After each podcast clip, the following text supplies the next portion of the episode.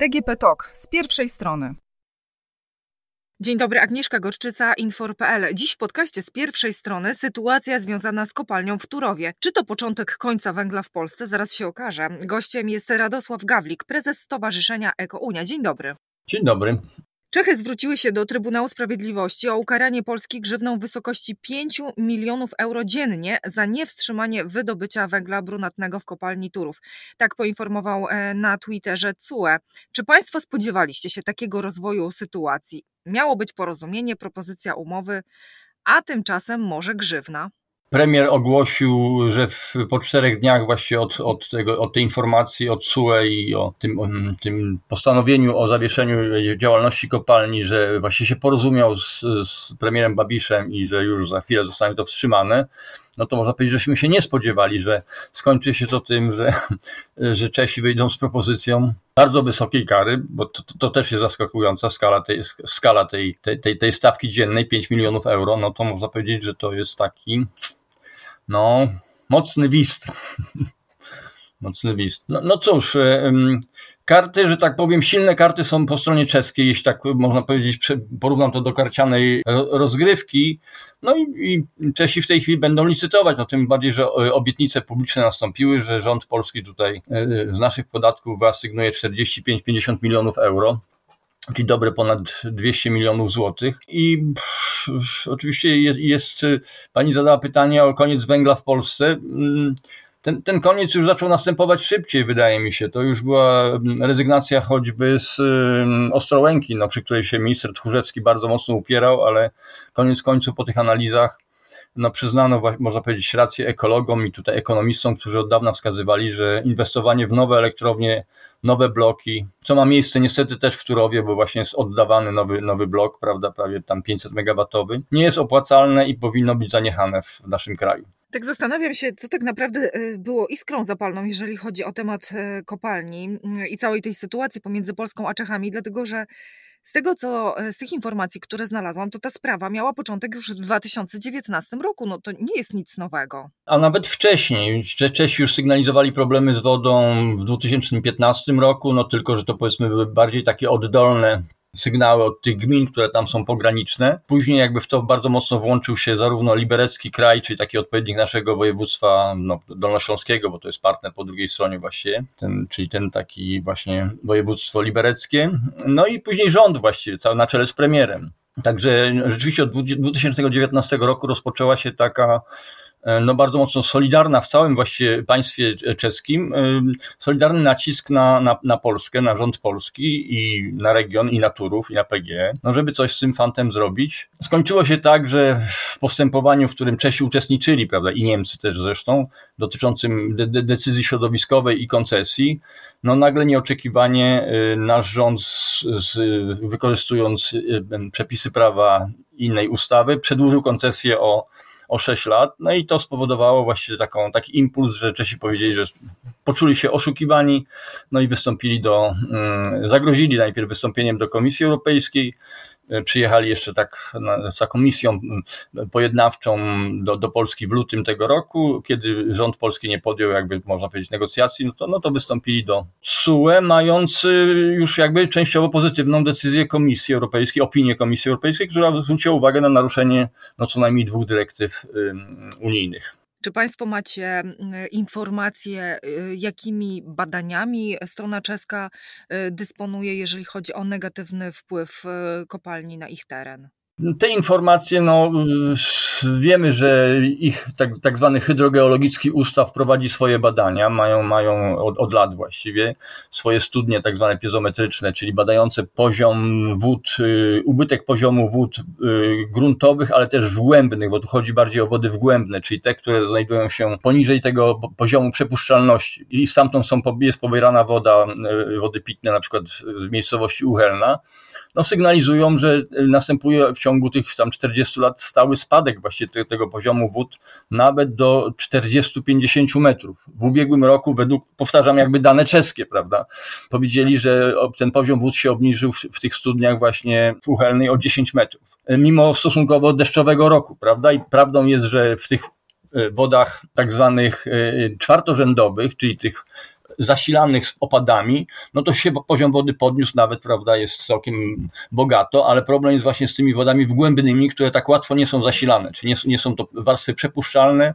te wody się tam gromadzą przez e, dziesiątki czy setki lat, no i z tych wód właśnie takich głębnych, e, jakbyśmy to powiedzieli artezyjskich, prawda, to u nas tak używamy tego słowa, jest, e, jest czerpana woda do, do zasilania mieszkańców tych regionów przygranicznych w Czechach. Czy w takim razie polski rząd, mając te informacje, mając te wyniki badań, zajmował wcześniej jakiekolwiek stanowisko w tym temacie? No trochę była zabawa, zabawa w głuchy telefon. Myśmy się powoływali na swoje, prawda, dane. Tu słuchałem pana wice, wiceministra, głównego geologa kraju.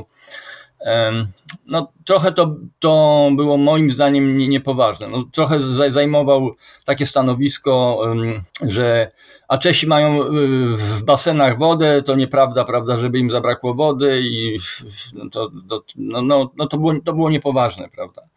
E, wiemy, że kopalnia tego rodzaju, kopalnia odkrywkowa, która ma głębokość w tej chwili ponad 200-250 metrów, do 300 ma dojść, wywołuje lej, lej depresyjny, bo wydobywanie węgla, to jakby trzeba tutaj słuchaczom jakby to uzmysłowić, odbywa się na takiej zasadzie, że cały czas trzeba pompować wody, te wgłębne, które napływają, żeby można było wydobywać ten węgiel, bo inaczej dno odkrywki zostanie zalane, więc cały czas odbywa się pompowanie, to są, proszę Państwa, pociągi wody, to są gigantyczne ilości wody, która jest odpompowywana i wrzucana do, do Nysy Kłodzkiej, więc to siłą rzeczy musi spowodować spadek wód, y, wód, wód gruntowych, no i tu oczywiście jest dyskusja, na ile to wpływa na, na stronę czeską, na ile to pozostaje w Polsce, no ale nie ma tak, żeby skutki kopalni się kończyły na granicy. No ma to wpływ na te przyległe e, miejscowości, taki jest wpływ wód i to, to, jest, to jest wiadome, to, są, to wiedzą nasi eksperci i wiedzą eksperci czescy. Dyskusyjna jest skala tego zjawiska i dyskusyjne jest to, na ile kopalnia, na ile zmiany, skutki zmian e, klimatycznych, no bo tu mamy do czynienia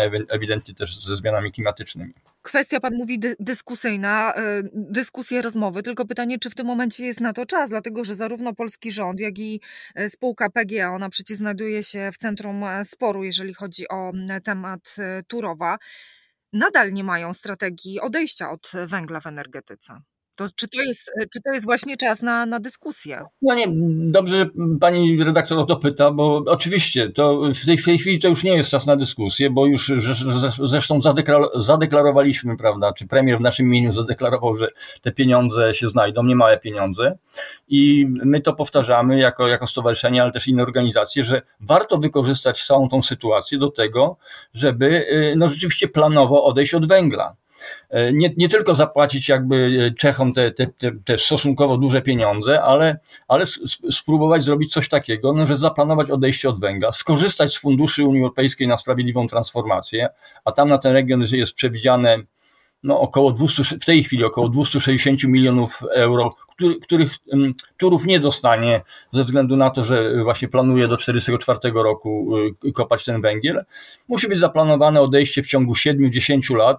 Wówczas możemy za, zarówno zadbać o te kwestie i ekologiczne, prawda, i nasze, i, i czeskie, zadbać o niebagatelne kwestie gospodarcze, bo ta elektrownia nie ma przyszłości, tak czy tak. My zapłacimy, problem polega na, na tym, że my zapłacimy Czechom, e, niby rozwiążemy ten problem, nawet CUE, prawda, może wniosek wycofamy, ale ekonomia pozostanie brutalna.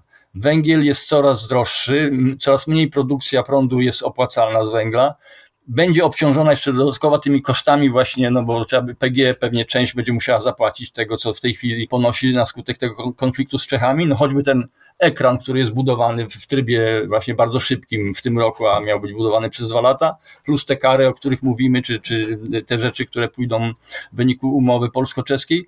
Więc naprawdę warto zrobić jedno i drugie, czyli zainwestować też nie tylko w Czechów, ale zainwestować w polską stronę, w miejsca pracy inne, przyszłe, alternatywne dla tego regionu, korzystając właśnie z pieniędzy Unii Europejskiej i do tej pory niestety tam nie ma nikt odwagi, nie ma liderów odważnych, zarówno jeśli chodzi o pana premiera i rząd, i nie ma liderów na dole, którzy by powiedzieli, ludzie, czas węgla się kończy, trzeba zaplanować tu inną przyszłość. Nie y, liczyć, że do 44 roku, prawda, czyli końca świata i jeszcze jeden dzień dłużej będziemy kopać, prawda, i bazować na, na węglu. Tak my to y, widzimy i wydaje się nam to bardzo sensowne, czyli to, to jest ten wzgląd ekonomiczny, y, wzgląd ekologiczny i wzgląd społeczny właściwie wymieniłem. Inaczej, prawda, grozi to samo, że zapłacimy Czechom, a za, nie wiem, 3-5 lat okaże się, że elektrownia jest nieopłacalna, bo wzrosną ceny uprawnień za dwutlenek węgla, za CO2 i będziemy ją i tak po cichu zamykać albo po głośno zamykać, czyli i tak ludzie wylądują na bruku.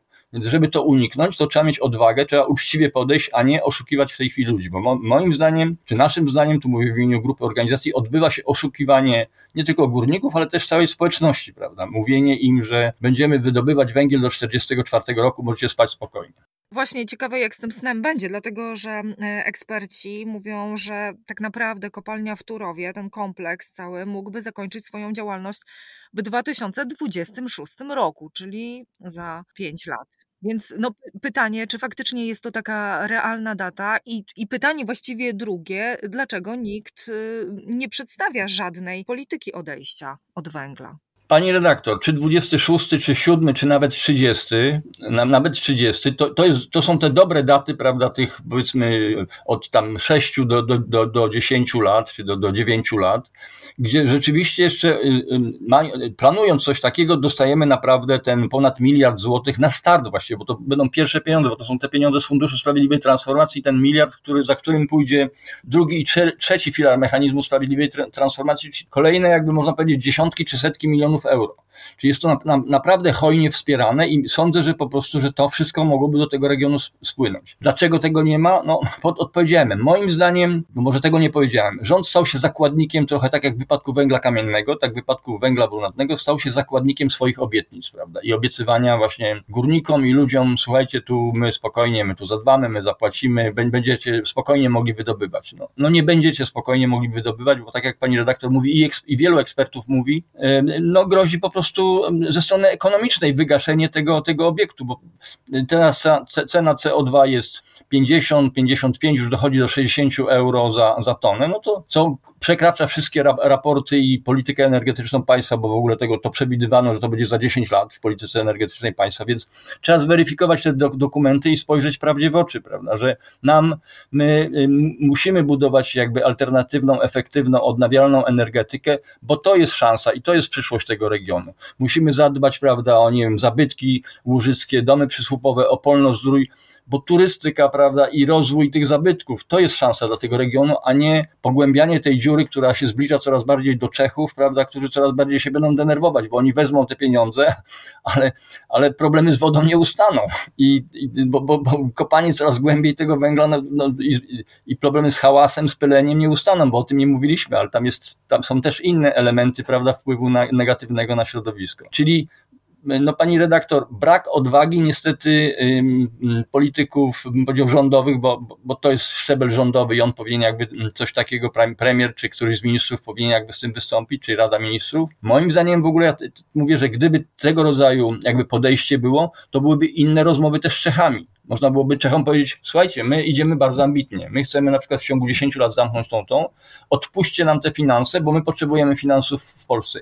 I sądzę, że tu nie, nie chodzi tylko o pieniądze. Czesi by się z takim podejściem też zgodzili, bo im zależy też na trwałym jakby załatwieniu problemu, a trwałe załatwienie problemu i wód to jest wygaszenie tego obiektu, no i kiedyś tam jakby uzupełnienie właśnie tego stanu wód, czyli napełnienie właśnie odkrywki wodami, wtedy, y, że tak powiem, te wody wgłębne czeskie się ustabilizują. No tutaj akurat myślę, że y, z Czechami można by się było porozumieć. Jak najbardziej pytanie jest, y, czy wyborcy y, zrozumieją, bo obiecane było całkiem coś innego, a teraz jest, byłaby zmiana, tak? Więc tu pewnie też i ten aspekt jest dość istotny. On jest, on jest bardzo istotny, bo ja, ja niestety obserwuję głównie tylko propagandę wyborczą, mimo że do wyborów mamy jeszcze sporo czasu, no ale od polityków możemy wymagać pewnej odwagi. Mogą powiedzieć, co jest zgodne z prawdą, warunki się na tyle zmieniły, że myśmy przewidywali, prawda, w polityce energetycznej państwa, że będzie, nie wiem, 30 euro za tonę CO2 w 2030 roku, a już jest 50 i, te, i tendencja jest wzrostowa. Więc węgiel nie ma szans po prostu ze względów ekonomicznych. Z węgla musimy, to było, prawda, to na tym mogliśmy budować suwerenność, prawda, energetyczną, nasze, nasze e, czarne czy brunatne dobro, złoto, tak, tak to nazywano, ale w tej chwili się to już kończy i trzeba spojrzeć prawdzie w oczy idziemy w kierunku innej energetyki i trzeba wykorzystać swoją szansę, bo inaczej ludzie zostaną na lodzie. E, pani redaktor, ludzie to rozumieją. To problem jest taki, że jak się ludzi, z, ludźmi, z ludźmi, nawet z górnikami czy energetykami, e, spokojnie rozmawia anonimowo, bo się tam boją, bo tam wszyscy są zastraszeni, to, to oni mówią mniej więcej to, co my tu, o czym my tu w tej chwili roz, rozmawiamy. Ludzie to rozumieją. To politycy weszli, prawda, w taki klincz i w taki, w taki szach trochę zaklinanie rzeczywistości. Ja to w ogóle nazywam taką mentalną twierdzą turów, prawda, nie? Węglową twierdzą turów, co jest, no to jest fatalne, szkodliwe, bo, że tak powiem, yy, ludzie podświadomie mają ten lęk, że to się, że to się, prawda, nie uda, i moim zdaniem jakby z tym lękiem, z tą, z tą kwestią społeczną, bo to jest bardzo ważna kwestia, trzeba, trzeba się odważnie zmierzyć. No, politycy muszą pójść i powiedzieć, że tak, był węgiel, ale teraz odchodzimy od węgla, nie robimy tego gwałtownie, tak jak tu by groziło TSUE, robimy to w ciągu, załóżmy, nie wiem, 7, tam 10 lat, mamy na to środki unijne, mamy spore środki unijne, do, dołożymy środków krajowych, zbudujemy po, porządny program wspólnie z mieszkańcami, z wami zbudujemy sensowny program e, alternatywnej gospodarki z samorządami i z mieszkańcami, z organizacjami pozarządowymi. No i tylko tak, tak, tak właściwie to się robi na Słowacji, prawda, w rejonie nitrzańskim. Słowacy to zrobili w ciągu 9 miesięcy, ale zaczęli to od góry. W ciągu 9 miesięcy zaplanowali odejście od węgla łącznie z planami i dostali zgodę Komisji Europejskiej na, na, na, na pieniądze. To jest możliwe także w Turowie. Ja właśnie tak zastanawiam się, czy to jest możliwe, dlatego że patrząc, jak te problemy zaczynają się e, piętrzyć, premier twierdzi, że się dogadał. E, okazuje się, że się jednak e, nie dogadał. Tutaj wpływa kolejna informacja Trybunał Sprawiedliwości o ukaranie grzywną w wysokości 5 milionów euro dziennie. Zastanawiam się, czy tutaj to porozumienie jest możliwe, bo poziom zagmatwania no, zaczyna być dość wysoki. Jest tu pewnego rodzaju licytacja i straszenie. To znaczy, to jest tak, że prawdą jest, że Czesi mają tam swoich polityków i mają akurat też kampanię wyborczą. I Czesi też moim zdaniem tak łatwo nie odpuszczą, prawda?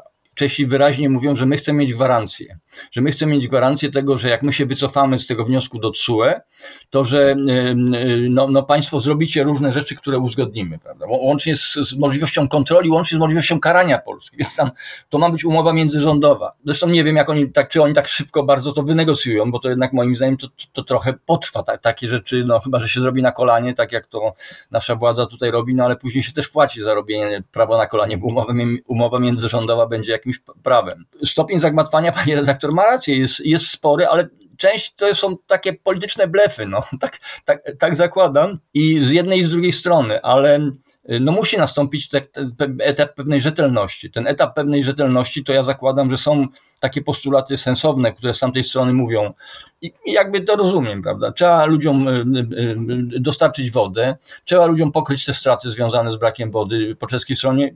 Jest pomysł fajny pomysł, to akurat się podoba, jedna z niewielu rzeczy, polsko-czeski fundusz, prawda, taki na wspieranie różnych małych, lokalnych, prawda, takich inicjatyw. To też ma budować jakby mm, no, walkę z tymi uprzedzeniami w tej chwili, z tymi takim, że tak powiem, e, ksenofobią pewnie z jednej i z drugiej strony, która się tu może pojawiać. My jesteśmy przyjacielskimi naroda, narodami od lat, prawda, I, i to powinniśmy kultywować. Czyli są pewne takie elementy fajne, stabilizujące tą sytuację, też rozwojowe. No, ale, ale dokładnie brakuje tej jednej rzeczy, o, o którą pani redaktor tu pytała, powtórzmy ją. E, brakuje po, po stronie polskiej Y, woli pokazania, że chcemy odejść wcześniej od tego węgla i, i to stabilizuje jakby też tą sytuację i to oznacza, że my e, nie tylko chcemy, prawda, zakleić pieniędzmi teraz tą, ten, ten problem, załatwić tu, zapłacić, nie wiem, 50 czy ileś tam milionów euro i mieć, mieć to z głowy i dalej sobie kopać ten węgiel. Nie, my przewidując tą sytuację ekonomiczną i ekologiczną i międzynarodową, bo to jest rzeczywiście powikłanie, różne tu są jakby rzeczy, no to mówimy, że tak, jesteśmy w stanie realnie zaplanować i odejść od węgla w tym regionie, wybudować nowe miejsca pracy, wybudować nowe, wymyśleć jakby nową strukturę właściwie e, rozwojową dla tego obszaru, zaangażować w to ludzi i przekonać do tego ludzi, bo to, i to jest, to jest kluczowe, no w ciągu, w ciągu powiedzmy tych dziewięciu lat. Popatrzmy na region wałbrzyski, prawda, sąsiedni. On oczywiście ma o tyle łatwiej, że 25 lat temu odszedł od węgla, no ale w tej chwili subregion wałbrzyski wybudował bardzo ambitny program, z jego w oparciu o Fundusz Sprawiedliwej Transformacji, który mówi, w 2030 roku mamy dekarbonizację, czyli odejście od węgla no, w ogrzewaniu, prawda, w, w ciepłownictwie, a, a tam te, ten region tak wisi na węglu, tak jak wisiał 25 lat temu, to się nie zmieniło. Czy tam jest wielkie zadanie do wykonania, a w 2040 chcemy mieć neutralność klimatyczną. Czyli subregion wałbrzyski i, I to nie jest tylko taka licytacja polityczna, to jest oparte mocno na, na narzędziach, które są w terytorialnym planie sprawiedliwej transformacji, czyli takim dokumencie programowym, który jest podstawą właśnie do, do, do korzystania z tych funduszy euro, e, euro, europejskich. I to jest możliwe. No jak to jest możliwe 100 kilometrów prawda, od Turowa na, na, na, na wschód nawet, nie na zachód, no to możliwe jest także w, w Turowie, czyli w, w rejonie powiatu zgorzeleckiego, bo w wypadku Wałbrzycha mówimy o prawie 700 tysiącach mieszkańców, a tutaj mówimy o 90 tysiącach mieszkańców, więc te środki finansowe, tam mówimy 300 milionów euro na Wałbrzych, a tu 260, czyli te środki finansowe na, na mieszkańca, prawda, subregionu zgorzelecko-bogatyńskiego są dużo wyższe, prawda, unijne przewidywane, no ale trzeba się po nie pochylić, trzeba się po nie schylić. To byłby argument dla polityków i dla premiera chcemy mieć to wsparcie, chcemy z tego skorzystać, dlatego decydujemy się, wiemy jaka jest, jaki jest trend, prawda, polityki e, energetycznej, polityki klimatycznej. Chcemy widzieć w tym szansę, a nie, a nie zagrożenie. No, oczywiście to wymaga zwrotu, o, ma pani redaktor rację, o 180 stopni trochę, no. może nie o 180, o 90 stopni, no bo nie, nie, mówimy, że natychmiast zamykamy, tylko mówimy, że skracamy czas funkcjonowania węgla, żeby wybudować alternatywę. A no właśnie i pytanie, czy, czy takie słowa w ogóle padną i czy taki kierunek zostanie e, obrany. Ja tak na koniec jeszcze chciałabym obrazowo e, słuchaczom przybliżyć, że elektrownia Turów produkuje rocznie średnio no, nieco ponad 3% krajowej energii, ale mimo to pojawiają się głosy i prosiłabym o komentarz w tym temacie, że jeżeli Turów przestanie funkcjonować, to nam prądu w gniazdkach zabraknie. Czy tak będzie? No, no, no nie, to no dobrze, że to, to padło pytanie i dobrze, że te procenty padły. Rzeczywiście to jest dokładnie w ubiegłym roku to było 3,19 czy 17% zaopatrzenia kraju w energię. Rok wcześniej było dokładnie 3. 4 lata wcześniej było 4, czyli jest w ogóle tendencja spadkowa, mm, jeśli chodzi o wykorzystanie tej elektrowni. Ona jest wykorzystywana w około 40% zaledwie 40-60% tej, tej, tej mocy nie jest wykorzystywane. Więc dla systemu elektroenergetycznego kraju, no to to oczywiście będą pewne kłopoty, ale inne elektrownie spokojnie to przejmą, prawda? Mamy moce w innych elektrowniach opartych na węglu kamiennym, głównie w tej chwili, i, ale też rosnący udział odnawialnych źródeł energii, no coraz bardziej, prawda, wchodzi fotowoltaika, to jest, w ogóle mamy olbrzymi boom, prawda, w tych instalacjach drobnych, ale też nie tylko drobnych, bo są też w tej chwili takie budowane farmy fotowoltaiczne, więc y, spokojnie inne źródła y, w Polsce to, to przejmą te, te 3% energii i nie, nie będzie tu jakiegoś, jakiegoś zawalenia, ale też mówimy no, o stopniowym odchodzeniu od, od tego węgla. My się też jakby y, rozumiemy, że takie nagłe zatrzymanie tej, tej elektrowni chociaż i kopalni, chociaż wyroki TSUE trzeba wykonywać i jeśli nie dojdzie do porozumienia, to być może przed tym, przed tym dylematem też staniemy, ale odpowiadając na pytanie, po prostu nie widzę takiego zagrożenia. Nie, nie widzę takiego zagrożenia. To jest przeszacowywana jest rola Turowa w systemie elektroenergetycznym. E, od premiera przez media, które powtarzają często, że 8% zaopatrzenia e, w energię. Proszę Państwa, 8% to jest potencjał mm, tej elektrowni, gdyby ona pracowała 24 godziny na dobę przez cały rok, prawda? Nie, to nie ma takiej, ona nie pracuje, ona jest 40% wykorzystania tej, tej, energii. I może na koniec jeszcze dodam, co, co, co rzadko pada.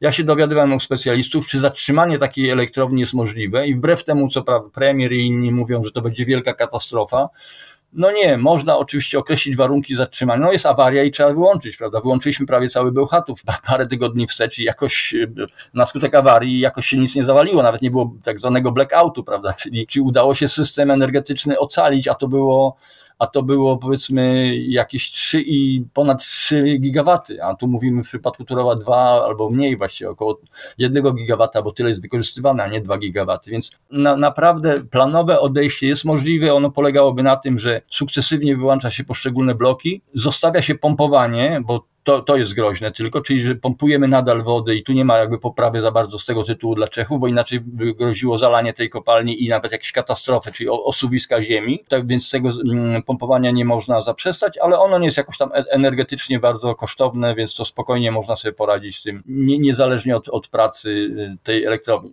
Oczywiście jest, jest pewien problem. Jest problem, że ta elektrownia dostarcza ciepło do, do mieszkańców Bogatyni i ciepło do e, szklarni, które tam są. No, ale jest lato, być może dałoby się coś tam jakoś inaczej zrobić, prawda? Z kłopotami, ale przeżyć to. Dziękuję serdecznie e, za rozmowę. Zawiłości sytuacji związanej z kopalnią w Turowie wyjaśniał Radosław Gawlik, prezes Stowarzyszenia Ekounia. Dziękuję serdecznie za rozmowę. Dziękuję bardzo, dziękuję, pozdrawiam. Do usłyszenia.